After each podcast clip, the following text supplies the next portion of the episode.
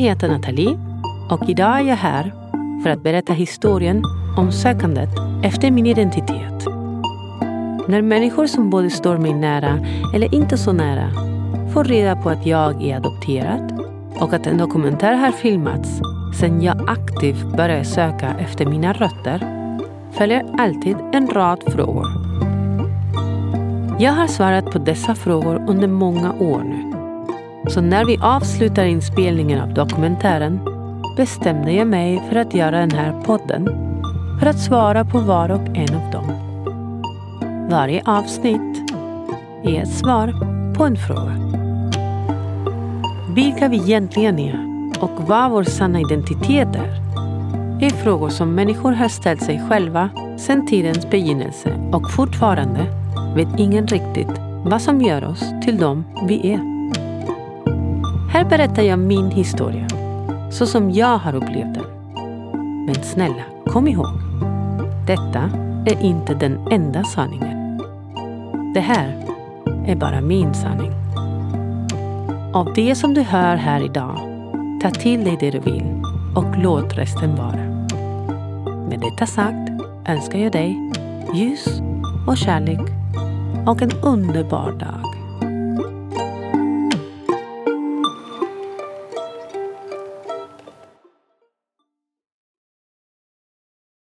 Kapitel 10 Vem är Martin, den ovetande hjälten? En av de saker jag aldrig tröttnat på att upprepa är att om det är något jag har lärt mig med tiden så är det att livet inte är svart eller vitt och att människor inte alltid är bara onda eller goda.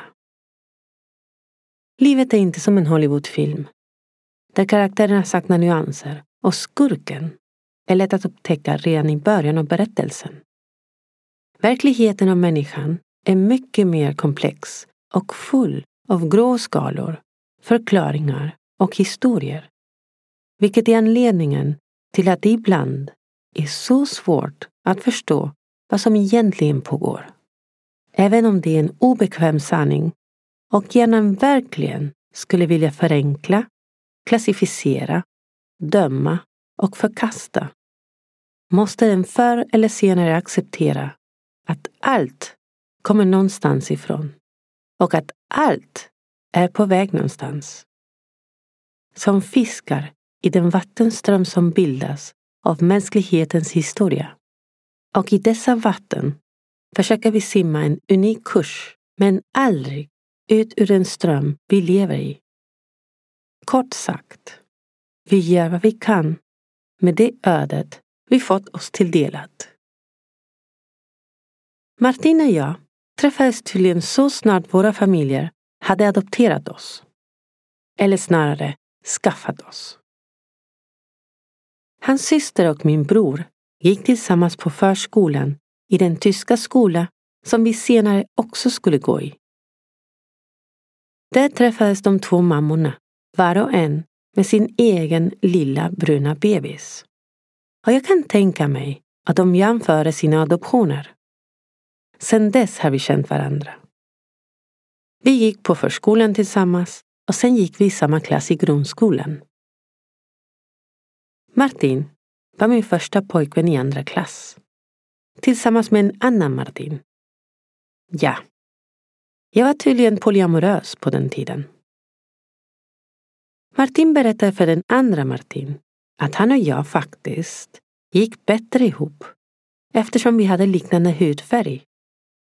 Vi var båda bruna i en klass full av vita och blonda.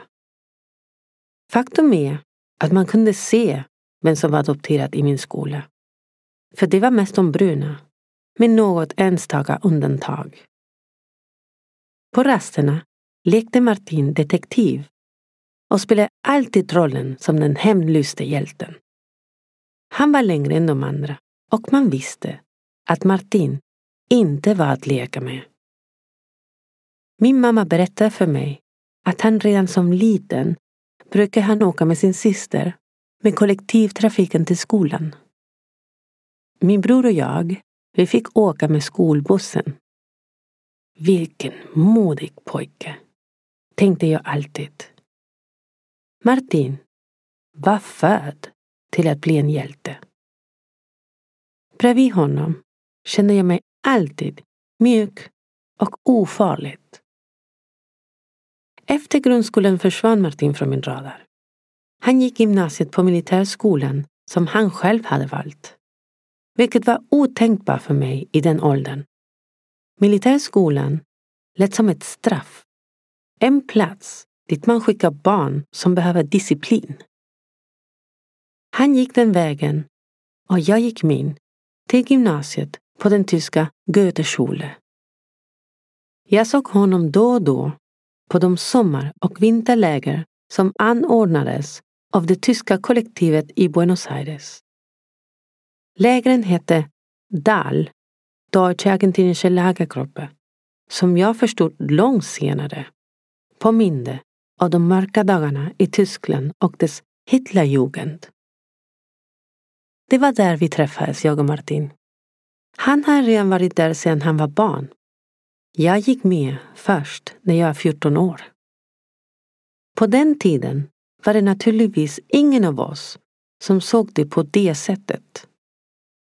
För mig åtminstone var det med den glädje som man känner om man gillar att kampa och vara i kontakt med naturen. Något som jag fortfarande känner idag. Det var att sova i tält, bada i floden, laga mat till hela gruppen, samla ved till elden, vandra i flera dagar, sova under stjärnorna och sjunga på nätterna.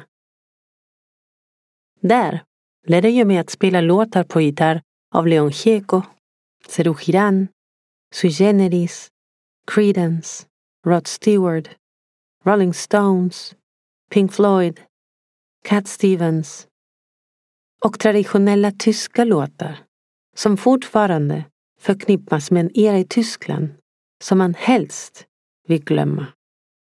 Eller bättre sagt, aldrig upprepa igen. Dahl lärde mig att vara nära naturen, att älska nätterna och stjärnorna, att längta efter något bortom verkligheten. Där lärde jag mig att drömma. Många år senare, när jag redan bodde i Sverige, blev jag medveten om den mörka historien om den tyska kolonin i Argentina.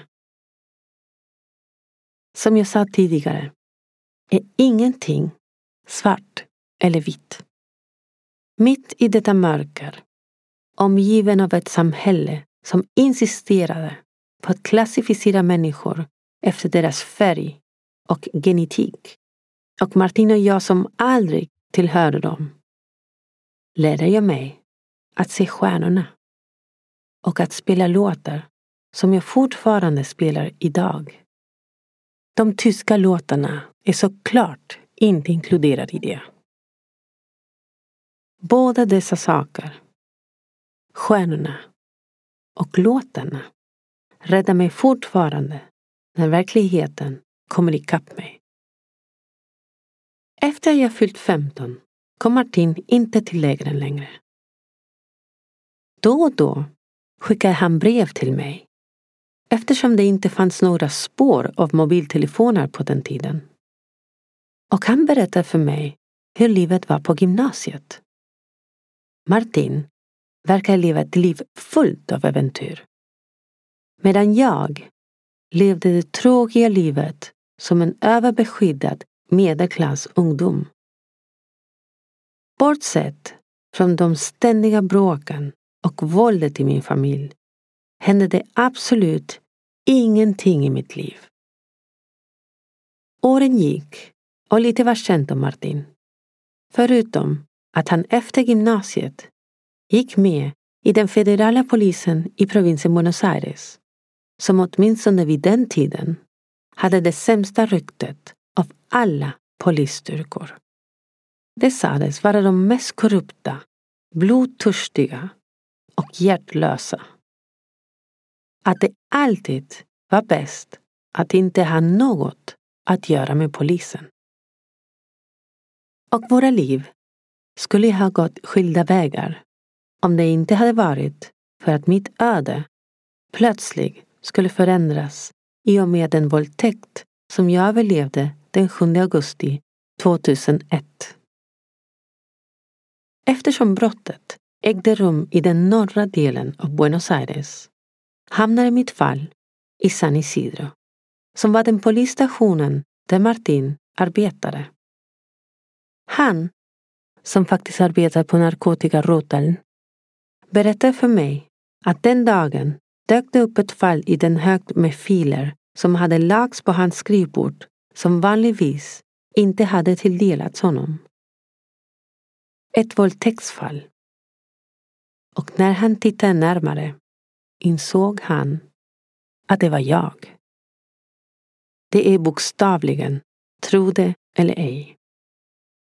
Av alla polisstationer, av alla detektiver, av alla skrivbord föll det på Martin att vara detektiven i mitt fall. Jag minns det första mötet med honom för att prata om vad som hade hänt. Jag bar på den typiska skam som kännetecknar alla som överlevt sexuella övergrepp och var evigt tacksam för att han var den som jag skulle berätta detaljerna för. Något i hans ögon sa mig att jag inte bara var ett vanligt fall för honom. Något sa mig att han var på min sida. Han var i mitt lag. Så var det så vi fick kontakt igen. Som jag berättade för er träffade jag några månader efter våldtäkten en 35-årig svensk på en äventyrsresa. En man jag skulle komma att bli förälskad i och som jag skulle flytta till Stockholm för i juni 2002. Jag sålde allt och flyttade. Jag behövde börja ett nytt liv på en ny plats. Långt från den jag var. Långt från min historia. Långt från den roll jag spelade i den verklighet jag levde i.